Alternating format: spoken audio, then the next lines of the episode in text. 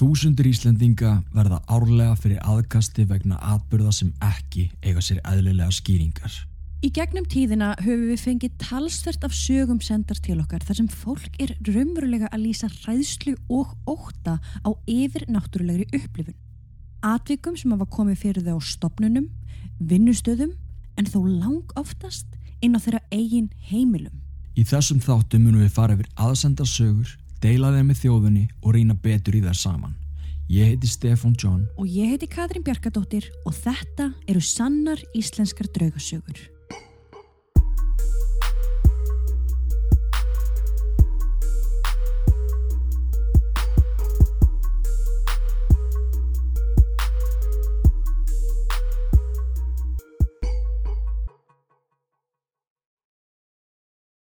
Áður en við byrjum er rétt að taka fram að sögurnar sem teknar eru fyrir í þessum þáttum eru ekki í nefni ákveðinni tímaröð sem þær eru sendar okkur, heldur af handahófi. Eftirfarandi sögur eru sannar og koma frá fólki úr öllum stjættum þjófélagsins. Allt eru þetta mismunandi einstaklingar á mismunandi aldri. En allt þetta fólk á það sameigilegt að hafa lendi einhverju yfirnáttúrulegu og það hér á Íslandi.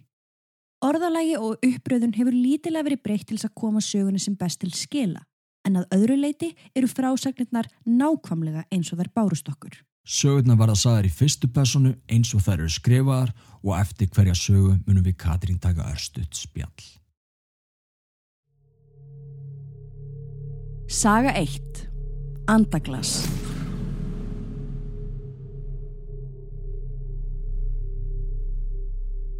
Hæ, ég er búin að vera að hlusta podcastið ykkar og ákvað að senda ykkur það sem ég er að upplifa í húsinu mínu. Ég bý í Kópói, ég er skegn og ég og bróði minn höfum alltaf trúað á drauga og höfum farið í andaglas sem er alls ekki góð hugmynd. Þetta byrjaði eiginlega þannig að vinir bróði míns voru hér og við fórum í andaglas. Ekkert gerðist þannig að við hættum bara. Ég vaknaði svo klukkan 3.33 og ég man eftir því að því að ég kíkti á síman minn einmitt þegar ég vaknaði. Ég set síman aftur á náttborðið og lít upp og þar í hurðinni er lítil stelpa. Hún var í náttkjól og hún stóð þarna í smá tíma brosandi og ég held án djóks að mér væri að dreyma. Þetta gerðist svo fljótt því allt í einu hleypur hún að mér og ég panika og dreg sængina yfir höfuð mitt og það virkilega tók tíma þá gott ég tók sængina af mér aftur og þá var ég farin að gráta. Næstu nótt vakna ég aftur klukkan 3.33 og þá er eiginlega bara orðið svolítið skrítið. Ég sé skugga á hurðinu minni og ég sá mann með topphatt og stúlku. Mér brá svo mikið en ég reyndi að gleima þessu. Eina nóttina svaf bróði minn inni hjá mér út því hann er hættu við myrkrið. Við vorum bæði í símanum og síðan heyrum við einhvern lappa frammi. Við horfum á hvort annað en hann fyrir síðan að sofa. Klukkan er svona eitt um nóttina og ég er að tala við vinkonu mína. En svo heyri ég í einhverjum lappa frammi og fótutækið kemur nær og nær herberginu mínu. Þegar það er komið alveg að hurðinu minni, slekki á símanum og ég frýs í rúminu. Mér langaði ekki að sjá hvað væri þarna, svo ég starði bara upp í loft á meðan ég heyrði fótatakið koma inn í herbergi mitt og alveg að rúminu mínu. Ég hef aldrei verið svona hrætt. Ég sagði ömmu og mömmu frá þessu atviki og amma sagði að við ættum að fá prest heim til okkar, en það varði ekkit úr því. Það er ekki mikið búið að gerast núna en ég er með miklu fleiri sögur sem ég þór ekki að tala um. Mér hefur alltaf grunað að þetta hafi verið trúðadúkan sem er upp á loftinu núna. Takk fyrir söguna þennum. Það hefur eflaust verið erfitt að setjast niður og skrifa okkur þessa sögu. Við viljum náttúrulega byrja á því að taka fram að við vitum ekkit hver þú ert eða hvað þú heitir en við vitum að þú ert ung og þess vegna glatti það okkur mikið þegar þú sagður okkur að þú að tala við fóldra þína um þetta. Það segir okkur að það sé tröstan á milli og þau eru fólkið þitt. Akkurat. Við þurfum alltaf að passa okkur þegar börn undir 18 ára aldrei senda inn sínar sögur af því að það er ekki okkar hlutverki að segja þeim hvað þau eiga að gera eða hvernig þau eiga að bræðast við. En það sem við getum gert er að tala um þessa sögur svona almennt. Mm -hmm. Þú talar um að hafa farið í andaglas.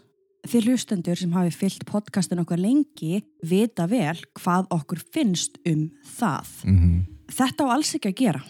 Meiri segja við gerum þetta ekki og við teljum okkur færi flestan sjó þegar að kemur að andaheiminum. Akkurat, að það segir svolítið mikið. Akkurat. Þegar maður fer í andaglast þá opnar maður dyr sem eiga að vera lokaðar og ef þessum dyrum er ekki síðan lokað vandlega á ákveðin hátt þá geta allir gengið þar í gegn. Og fólk sem er með sjötta skilningavitið opið og varnirna niðri verða auðveldlega varir við þessa anda eða þessar verur. Já, Það væri vanlegast að ná að loka þessum hring, koma öndunum út og fá síðan prest heim til sín til þess að blessa húsið. Ef þú ert síðan að upplifa mikla hræðslu, þá er alltaf hægt að loka fyrir það að þú sjáir, en það eru auðvitað ákverðun sem þarf að skoða vandlega og í þínu tilfelli með foreldröndinum. mm En við erum í sambandi við góða miðla sem gætu hjálpa þér í þeim málum ef þú eða foreldröðinir vilja hafa samband við þá. En í lokin langar mig aðeins til þess að stappa í þig stálinu. Reyndu að vera ekki hrætt. það er engin velkomin inn í herbyggið þitt. Það er engin velkomin að standa við rúmið þitt. Og ef út í það er farið, þá er engin leifið til þess að hræða þig. Þetta er ykkar hús, ykkar heimili og það er þið sem að setja reglurnar. Ef þú nærða að bóla hræðslunni burt og finna frekar tilfinninguna reyði, þá getur þú náð ansi langt. Hvað er það versta sem gæti gerst? Segjum sem svo að þú eða þið, ég bara tala svona almennt, Mm -hmm. Þið heyrið eitthvað lappa inn í herbergið ykkar og standa við rúmið ykkar. Þið farið undir sæng og fylið ykkur af því þið verðið hrætt. Hvað gerist ef þið kíkið undan sænginni? Hvað er að versta sem gæti gerst? Ég skal segja ykkur það að í svona 90% tilvika munið þið ekki sjá neitt. Ekki nema þið séu kannski ramskign. En venjulegt fólk, meiri segja fólk sem er næmt, þá ekki eftir að sjá neitt. Af því að andar þurfa ansi mikla orku til þess að sína sig sem þeir búa oftast ekki yfir. Akkurat. Þannig að það er líklegast að þið sjáuð ekki neitt. Mm Og hvað ef þið hugsið þetta bara aðeins öðruvísi? Pínulítið eins og ég og þú steppi hugsum þetta Já. daglega. Já. Ég sé stanslust Mhm. og heyri stanslust og það eru endurins ljósa blikka hjá okkur eða bönga heyrast. Mhm. Við erum ekki hrætt við það. Næ, Þetta er stundum pirrandi en auðvitað. við erum búin að výra okkur þannig að það eru við sem stjórnum. Ef ég vil fá þessi læti burt eða mannin sem stendur og horfir á mig inn um gluggan, þá get ég það. Af því það er ég sem stjórna, ekki þau. Þannig að næst til þú heyrir einhvern lappa frammi, stattu upp, vertu sterk, farðu fram og segðu viðkomandi að hann hafi ekki leifi til þess að vera þarna og að hann eigi að láta þig í friði. Ef þú skipar anda að láta þig í friði, þá oftast gerir hann það. En það tekur hörku og það gæti tekið nokkur skipti. Við tölum oft um þetta í spjallþáttunum okkar sem er í bóði fyrir áskrifendur. Þannig að ég held að sé bara ágætt að við segjum þetta gott núna. Já, En ef það er eitthvað þá er þér velkomið að hafa samband við okkur og endilega kift í ömmu þín og aðtugaðu hvort hún vilji ennþá fá prestin heim. Saga 2. Sjómaðurinn og kójan.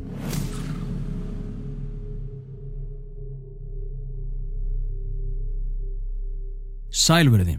Mér langar að deila með ykkur sögu sem ég held að mig fullir það að ekki sé þetta útskýra með eðlilegum hætti. Það var haustið 1986 þegar ég var 19 ára gamall. Þá fæ ég pláss á flutningaskipi. Einn hásetana var 64 ára gamall maður sem var búin að vera þannig í skipsrúm í nokkur ár. Þetta var harðjaksl af gamla skólanum. Hann hafði verið á sjó alla sína tíð og í um það byrð 30 ára tórum. En hafði hins vegar verið á fraktskipum senstu 10 árin eða svo þegar hér er komið við sögu. Alveg afburða sjómaður. Ég fer sannsagt með honum í þennan fyrsta túr minn og að honum loknum ákveður hann að taka sér eitt túr í frí eins og gerist og gengur. Þegar langt er liðið á þennan túr, sem sagt minn annan túr á skipinu, þá berast þar fréttir um borð að þessi félagi okkar hafi orðið bráðkvatur. Hann hafi dáið í svefni. Afar óvæntar fréttir og sláandi því ekki var hann að vita að hann væri þokkalega hraustur. En fyrir vikið fæ ég áformaldandi pláss á skipinu og sannaðist hið fortkveðna í þessu tilviki að eins mann stöði sé annars brauð. Svo þegar ég er búin að vera aðeins í skipsrúmi í einhverja mánuði þá er mér útluta klefanum sem þessi maður hafði haft til umráða og að ég held öll sín ár á skipinu. Þetta var samt eini klefin í skipinu sem var með kójum. Ég svaf í neðri kójini en með þótti hins vegar tilvalið að nota þá efri til að geima dóti mitt í stað sem nota fataskáp sem var aðná sjálfsögðu líka.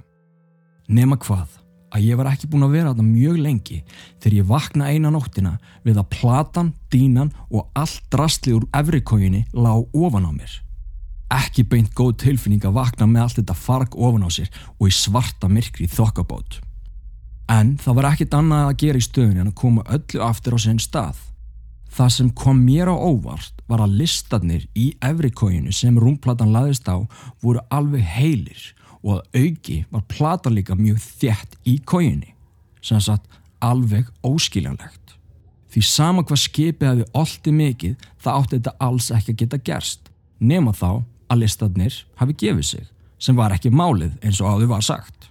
Að auki var líka ágættis veður þegar þetta gerðist. Svo líða ekki margir dagar þegar ég gladvakna allt í einu og kveiki kójuljósið. Þá sé ég mér til undrunar að platan í efrikójunni er komin á loft öðrum megin og er bara við það að koma ofan á mig aftur. Þá tek ég nú á mig rögg, klæði mig, næ skrújátt, fjarlægi kójuna og kem svo dótinu mínu fyrir í fataskápnum um leið. Þegar þetta gerðist var maður um borð sem átti vist að hafa verið næmur og kemur hann að máli við mig og segir mér að þessi látni félagi hafi komið til sín í draumi og beðið hann um að koma því áleiðist til mín að ganga betur um klefan og meðal annars festa betur plaggat sem var límt á veggin sem hafi losnað frá einu hortinu sem ég svo auðvitað geri. Hann segir mig líka að þessi látni hafi reynd að ná sambandi við mig en það hafi reynst útilokað. Jáfnframt segir þessi félagi með mér að hann hafi oft séðin látna bregða fyrir á skipinu. Eftir þetta samtal var ég hins vegar ekki fyrir neinum undarlegum atbyrðum. Nú skal tekið fram að hinn látni var afar mikið snirtimenni og veit ég vel að sóðaskapur og óreiða fór alveg í hans fínustu taugar. Svo ég þykist vita að hann hefur ekki verið sáttur við þessi skindilegu endalók sín. Því ég veit að hann var farin að sjá ævikvöldi í hyllingum eftir allan þrældómin og volkið. Að öðruleiti þá læti ykkur eftir að draga álíktanir. Takk fyrir söguna þennan mestari. Alltaf gaman að fá sögur fór íslenskum sjómönnum af því að þeir lögum alveg á góðum draugasöfum margi hverjir. Mm -hmm. Það hljómar vissulega rétt að miða við frásögnina og staðfestingu félagaðins sem er næmur eða jáfnvel skegg Mm -hmm. að þarna hafi verið um gamla hörkutólið að ræða. Já, stundum reynaði látnan á sambandi við okkur og jafnvel ítrekað. Það er svona eiginlega að ímynda sér að einhver sé bara hreinlega mállaus og ósynlegur. Viðkomandi kallar og kallar en enginn heyrir í þeim og þá taka sömur upp á því að henda eða færa hluti bara til þess að ná aðtikliðinni og láta taka eftir sér. Frá okkar sjónarhórni er þetta samt bara pyrrandi, þrúandi og í mörgum tilfellum hræðilegt. -hmm. Við verðum hrætt. Þegar ekkert gengur reynaðir að ná sambandi við viðkomandi í draumi og er það ein auðveldasta leiðin fyrir anda að koma einhverjum skilabóðum áleiðis til okkar. Málið er samt að lang flest okkar mun ekki drauma okkar þegar við vaknum. Nefnum kannski þú, Katrín. Ég man allt. Þú Já, allt. já. Svo þetta verður svona bara þrálátur vítarhingur. En sem betur fer var félaginin sem var með þér í þessum túr, einhver sem að sér, heyrir og finnur meira en við hinn sem erum ekki með þessu skilninga við dópin og kemur þessum skilabóðum áleiðis. Og svo finnst mér líka alltaf að við gerðum, veit ég, mánudags mínisögum þetta í hérna hinu podcastin okkar. Að þá var ég meitt manneska sem að bara sagðist ekki trúa Já, á drauga eða anda mhm. en hvort það hafi ekki verið pappinar sem var alltaf að reyna að hafa samband við hann. já ritvélin. Já, en út af því að hún var bara búin að loka á þetta, hún var bara nei, þetta er ekki til, ég Já. trúi þess ekki Draugar eru ekki til. það bara var ekki hægt að koma að henni hún var bara búin að setja upp það stóra vörn Akkurat. þannig að þú veist, það geti líka verið oft tilfellið. Mm Já, og hann enda að koma til hennar í Því Akkurat, hann var bara, ég get ekki nána henni sambandi við henni. En skilabúðum voru greinlega bara stutt og mjög einföld Mhm. frá gamla örkutólunum. Hættu þessum sóðaskap.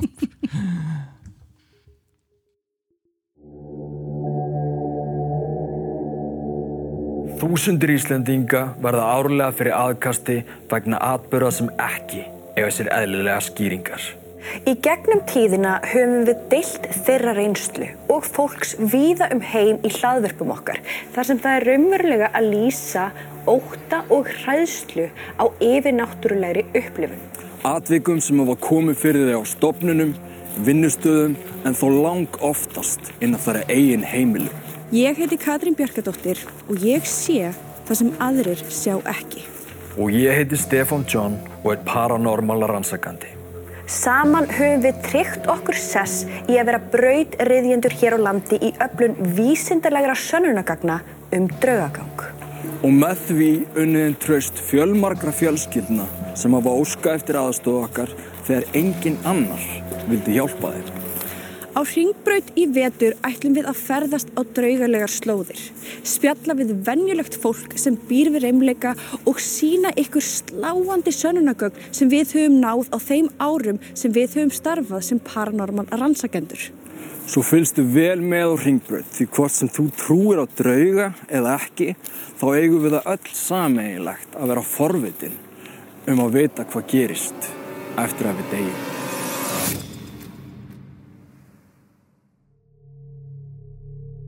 Saga 3.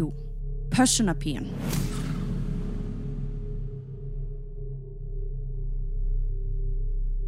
Sko hér erum við með þrjár stuttar frásagnir frá sama aðila. Ok, Þær eru, já, þær eru allar frekar stuttar svo ég held að sé alveg ágætt að ræða kannski bara um hverja og eina. ok, frábært. Fyrsta sagan er um afennar og hún hljómar svona. Afi minn vann sem verkstjóri í fristihúsi.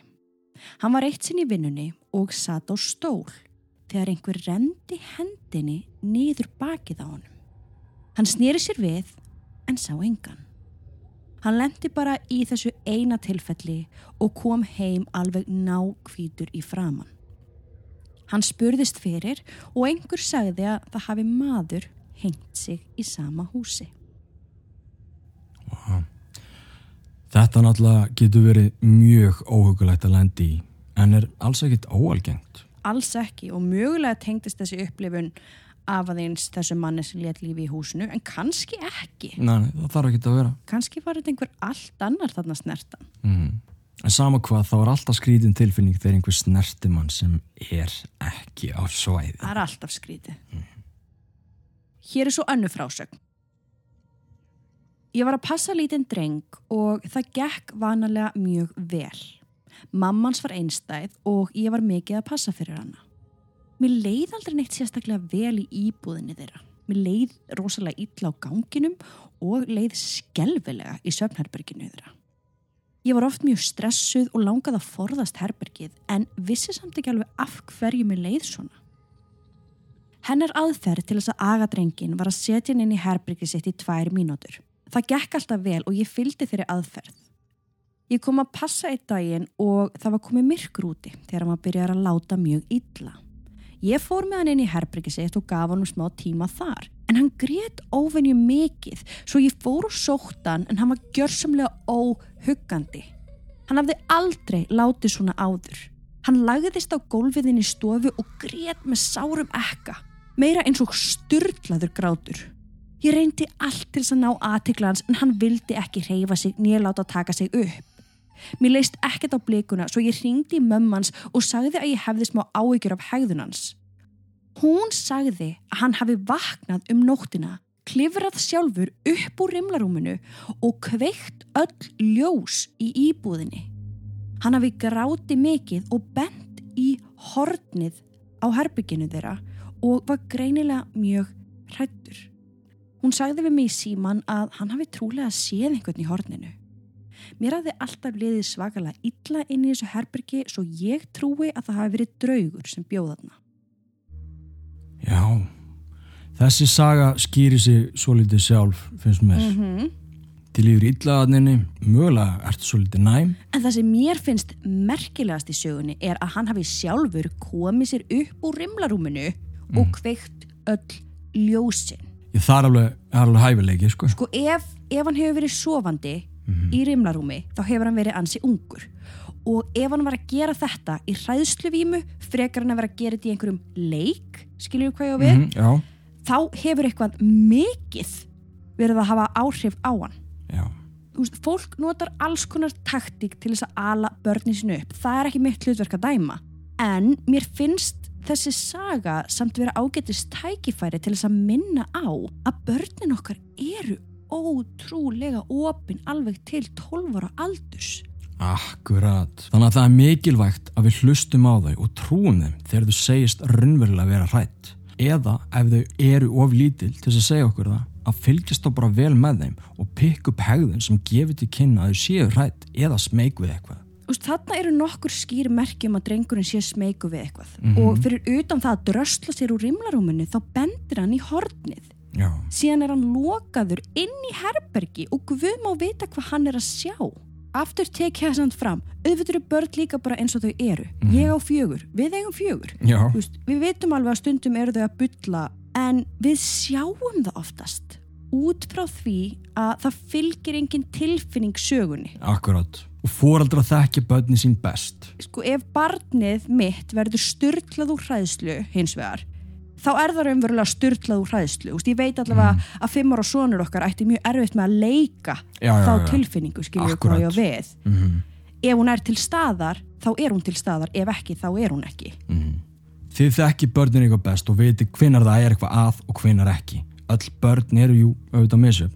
En þú brást allavega rétt við. Tókst hann út úr herberginu og ringdir í móður hans. þessi móður vildi öruglega allt gera fyrir barnið sitt en það kemur mér samt á óvart að hún segi í símtalinu að líklegast hafi barnið séð eitthvað í horninu Mm en hún heldur áfram að setja þenn í herbergi Þannig að móðurinn veit örglega eitthvað meira líka. Já, en sko aftur, ég, ég veit hvernig það er að vera móðir, meiri segja einstæða móðir og ég veit það er erfitt og stundum þarf bara að gera það sem þarf að gera og þó maður haldi að barnið hafi séð eitthvað í horninu, þú veist, um kvöldið, þá Mhm. býst ekki endilega við því að það sé að sjá það daginn eftir, skilur, lífið bara heldur áfram.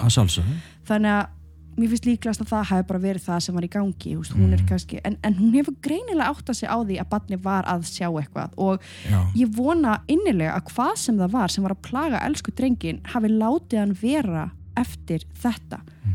Af því það er ekkert sem fer jafn mikið í okkur eins og andar sem hræða börn og meiða. Akkurat. og eins og við segjum svo oft ekkert barn á að vera hrætt á eigin heimili og ég veit að ég er búin að kannski vera að ranta hérna aðeins en mér langar bara í lokin að segja að stundum vilja foreldrar ekki viðurkenna hvað er í gangi af því þeir veit ekki hvað þeir eiga að gera eða hvernig þeir eiga að snúa sér í því Nei.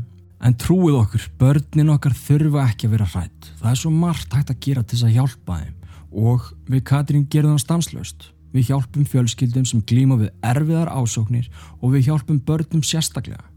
Þannig að ekki halda þessi engin leið. Það er hægt að laga svona hræðslu og svona ásóknir þó að það gæti stundum tekið alveg þó nokkur langan tíma. mm Algjörlega. En þá er komið að frásögn númer þrjú frá sama einstakling. Já. og aftur er hún að passa börn.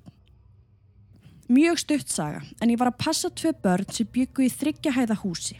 Börnin voru yndisleg og fannst mikið ævintýra að ég var að passa þau og gista hjá þeim Mér leið vel í íbúðinni nema það var eitthvað við þriðju hæðina sem hrætti mig Alltaf þegar ég gekk upp stegan að þriðju hæðinni þá fann ég fyrir slæmum tilfinningum, kvíða, kulda og mér leið reynd og beint bara illa að stíga á þriðju hæðina.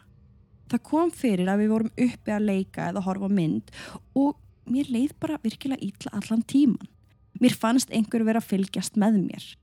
Þegar að koma því að ég þurfti að gista þá bauðan mér að sofa í herbergi á þessari hæð.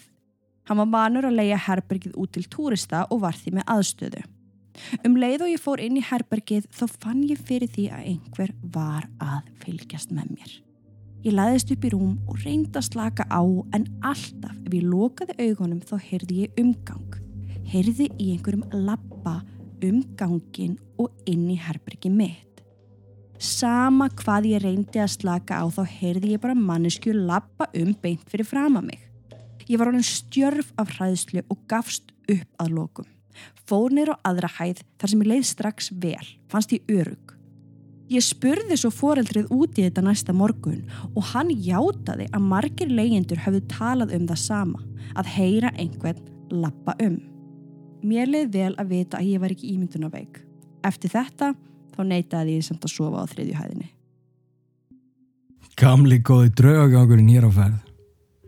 Aftur ætla ég að gema með það að þú sést næm og þú varst greinilega að finna fyrir einhverju sem var aðná sveimi og hjælt sér aðalega við þriðjuhæðina. Og gott hjá þér að færa þessu bara um setur í staðin fyrir að liggja stjörfi í rúminu alla nóttina. En svo í lokin þá færi þessa staðfestingu Akkurat. á að þú sést ekki ein að finna þetta, heldur margi leyendur sé að finna þetta líka. Þannig að líklegast var eins og, ég segi, bara gamall góður draugagangur í þessu húsi. En það er alltaf svo gott að fá staðfestingu á því sem maður finnur. Og ég segi það sjálf þráttur að vera búin að vinna við það núna í nokkur ár að fara á staði bæði hérlendis og erlendis til þess að rannsaka draugagang.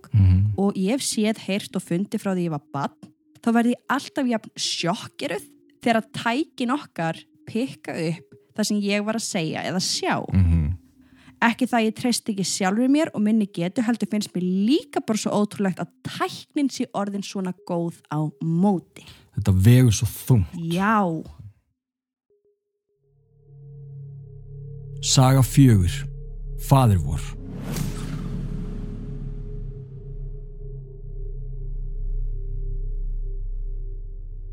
Kona mín hvatti mig til að senda ykkur þetta sem ég er að fara að skrifa. En fyrir tveimur árum síðan lá ég upp í rúmi að lesa bók. Það var bjart því þetta var um sömar. Ég loka bókinni og loka augunum og fer með faðivorið eins og ég geri alltaf á kvöldin. Nefn í þetta skipti náði ég aldrei að klára það. Ég hana hvort rugglaðist eða fór með rámt erindi. Svo opna ég augun og sé einhverja dökka veru standa í hornin á herberginu. Ég er á miðjum aldri þannig ég reyna að dreifa aðteglin eitthvað annað og held því áfram að fara með faðivorið. En þá byrjar þessi svarta vera að færast nær og nær í hvers skipti sem ég fyrir með vittlust faðivor og þá kemur hún nær og nær. Veran rekur út þessi tunguna og reyfir hausinn hratti begja hliða. Mér er sérstaklega minnistætt hljóðið sem þetta gaf frá sér. Svo stendur þessi vera við hliðan á mér með andlitið ofan í mínu og reyfir hausin á sér hratt og tungan og hljóðið verður skerandi. Ég reyni eins og ég get að signa mig en ég gerir allt vittlust en svo allt í einu næ ég að fara með þetta rétt og þá hverfur þetta. Ég vek konuna mína og hún sér að ég er í miklu uppnámi og ég útskýri fyrir henni hvað ég var að upplifa. Mörgum vikum setna fannst okkur alltaf eins og einhver stæði inn í herbergi en við fengum samt ekki slæma tilfinningu fyrir þeim eða því sem var þarna. Það er að segja ef eitthvað var þarna. Ég er ekki góður að útskýra en ef ég ætti að lýsa þessari veru þá væri það eftirfarandi. Cirka 190 á hæð, andlitið var mjög svipað og vondakallinum í Star Wars sem er með svona rauðar línur í framann held ég að hann heiti Darth Maul eða eitthvað. Ég er mentaður og stýri stóru fyrirtæki. Ég trúi ekki á drauga og hefur þetta setið rosalega mikið á sálinu á mig síðan þetta gerðist. Ef þið hafið einhverjar útskýringar á því hvað þetta var, þá megið þið endilega upplýsa mig. Jaha, það er ekkit annað. Og það frá manni sem trúir ekki á drauga. En fyrst og fremst viljum við þakka þér fyrir söguna þína og það bara alveg innilega. Hún er svolítið einkennandi fyrir nokkuð sem að mögulega þú ert samt ekki tilbúin til að heyra. Þú upplifir þennan atbyrð og hann situr ennþá virkilega í þér. Eftir mörg samtöl okkar Katrín á milli erum við reynilega komið með þá kenningu að vantrú á drauga sé bara eiginlega óskup eðlileg. já, það held ég. Þetta er bara svona varnarmekanismi heilans að útskýra það sem einfallega er ekki hægt að útskýra. Ég held að þetta sé svona allavega ein ákveðin tegund. Ég held að það sé ákveðin tegund af fólki sem trúir ekki að drauga út af þessu. Svona coping mechanism. Það bara vill ekki, þú veist, þetta er óþægilegt, þetta er, þetta er skeri, þetta er óögulegt, þú vilt ekki að þetta sé til og þá bara ætlar ekki að trúa og ég skil það. Já, Ef hræðslan er það mikil, þá, þá er þetta bara ágæðist leið. En svo eru náttúrulega líka bara aðri sem trú ekki út af einhverjum öðrum ástæðum. Þú veist, Jú, jú. ég persónulega, mér veist ekkert að því hvort að fólk trú eða trú ekki. Það sjálfsögðu. það skiptir mig einhvern veginn engu máli Nei, og ekki okkar heldur að sanna að drauga Nei, til sko. alls ekki. ekki Og- og mér finnst bara gott að þú segist ekki trúa drauga og það eru ótrúlega margir sem trúa ekki á drauga sem hlusta samt á draugasögur og sem Já. er að senda inn sögur þannig að veist það, er bara, það er allir forvitnir við Að getum bara sagt það Mhm. En að því sögðum er ljóst meða við lýsingarnar að þarna hafi verið djöfuleg vera í herberginu. já, já. Við erum ekki að fullera neitt en af lýsingum á útliti verunar þá er það nokkuð borlíkjandi hérna megin. ég er samt alveg forvitin að vita hvers konar hljóð þessi vera gaf frá sér ef þú getur lísti fyrir okkur í tölvupósti kannski með nákvæmur lýsingu eða kannski ef þú fannst einhverja ábyrrandi lykt Mhm. bara, bara ef þið langar til að segja okkur meira frá því að þá, þá er það alveg áhugavert vegna að það er ekkert á hverjum degi sem að það mætir djöfulegu vera í herbergið hjá manni Nei. þetta er svolítið stórt Þetta er alveg stórt dæmið sko. Ég hef verið á nokkrum stöðum þar sem orkan hefur ekki verið sérstaklega jákvæð og farið þá mitt sjálfur með faðivorið og tek oft eftir því að það sé reynd að trubla mig eða ruggla í mér sem verður til þess að ég þurfi alltaf að byrja upp á nýtt á faðivorinni aftur og aftur. Þannig að ég hef verið bara í miklu bastli við að klára veist, þessa halva mínútu. Já, þú lendur alveg oft í þessu í rannsóknum finnst mér, þú, ekkert á öllum stöðum en Nei. alveg á ákveðnum stöðum hefur þú lendið í þessu og þetta hefur einmitt alltaf verið jafn óugulegt Já og bara svona bara nei, þú, þú ætlar ekki að trubla mig. Nei, ég ætla að fá að klára þetta, takk fyrir sko. svo ég tengi alveg persónulega við það. En svo finnst mér sko líka alltaf mikilvægt að hugsa að þú veist, er einhver eðlileg útskring á þessu? Og þá náttúrulega fyrsta sem maður hugsa er bara, þú veist, varstu sofandi? Já, var varstu draumur? dastu út í bókinni? Mhm. var þetta draumur? Varstu á millisveps og vöku vegna þess að í draumi þá til dæmis getur ekki stimplað en símanúmer ég veit ekki hvað það er en þú getur semst ekki stimplað en símanúmer. Það er er ekki hægt. Mhm. en mér finnst mjög líklegt að þú sjálfur hafi bara sérst náttúrulega búin að útiloka þetta allt saman. Annars væri ekki að senda okkur þessa sögur Ég held þú ert búin að útiloka á að sofandi. Þú ert Mhm. búin að útiloka að þetta hafi verið einhver rugglingur í þér skilur en, já Það sem var líka aðteglisvert sko, ef þú fannst einhverja lykt Mhm. og hvernig hljóðið var í þínu eða ykkar tilfelli er verðt þess vegna að hugsa hans tilbaka frá þessu atviki og sjá hvort einhver ábyrrandi atvik voru í gangi á þessum tíma sem að þú fegst þessa óþægilegu heimsók Mhm. þú veist var andlega hliðin kannski ekki alveg upp á sitt besta voru erfileikar í sambandinu voru döðsföll eða alvarleg veikindi jafnvel bara mikil streyta í gangi. Því djöfulega verið þurfa bóð til að koma inn á heimili fólks og ef ekki er um bókstarlegt bóð eða óskum að ræða þá eru þessir fyrrgreindu andlegu þættir eitthvað sem að sogar þá til fólks í kvelli þeir vilja manni ílt hræða og að velgengni fari í vaskin já. þannig að það er allt í lagi að skoða þetta bara fyrir forvitni sækir. Já og ég ætla að setja líka hann inn og ég veit ég kannski ganga aðeins og langt þetta er kannski meira heima í hinu podcastin okkar en þú veist áttu eitthvað svakalega óvinn er Já. einhver sem villir eitthvað illt. Einmitt. Að því að fólk er að kukla með ímislegt og ég veit alveg að sumir ánkólu augunum en það er bara staðreind já, já, það er bara það sem við dýlum við. Já, en við vonum samt innilega að þú og þið séuð ekki vörðu við þetta lengur. En eins og áður þá er velkomið samt að heyra í okkur ef, ef þannig er ekki. Mm það fyrsta og besta í svona málum er sennilega einfaldasta. Að brosa, hlæja og fylla heimilið ást og kærleika. Áhrifaríkasta vopnið gegn hennu ítla er gagstæðan við það sem það stendur fyrir. Algjörlega. Fyrir brosandi bara út í daginn. Við viljum byrja á því að þakka öllum höfundum fyrir sögur vikunar og einhver hinum kærlega fyrir að hlusta.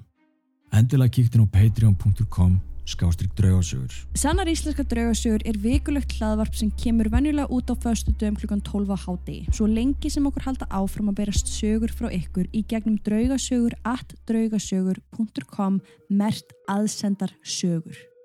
Takk fyrir að hlusta og þanga til næst.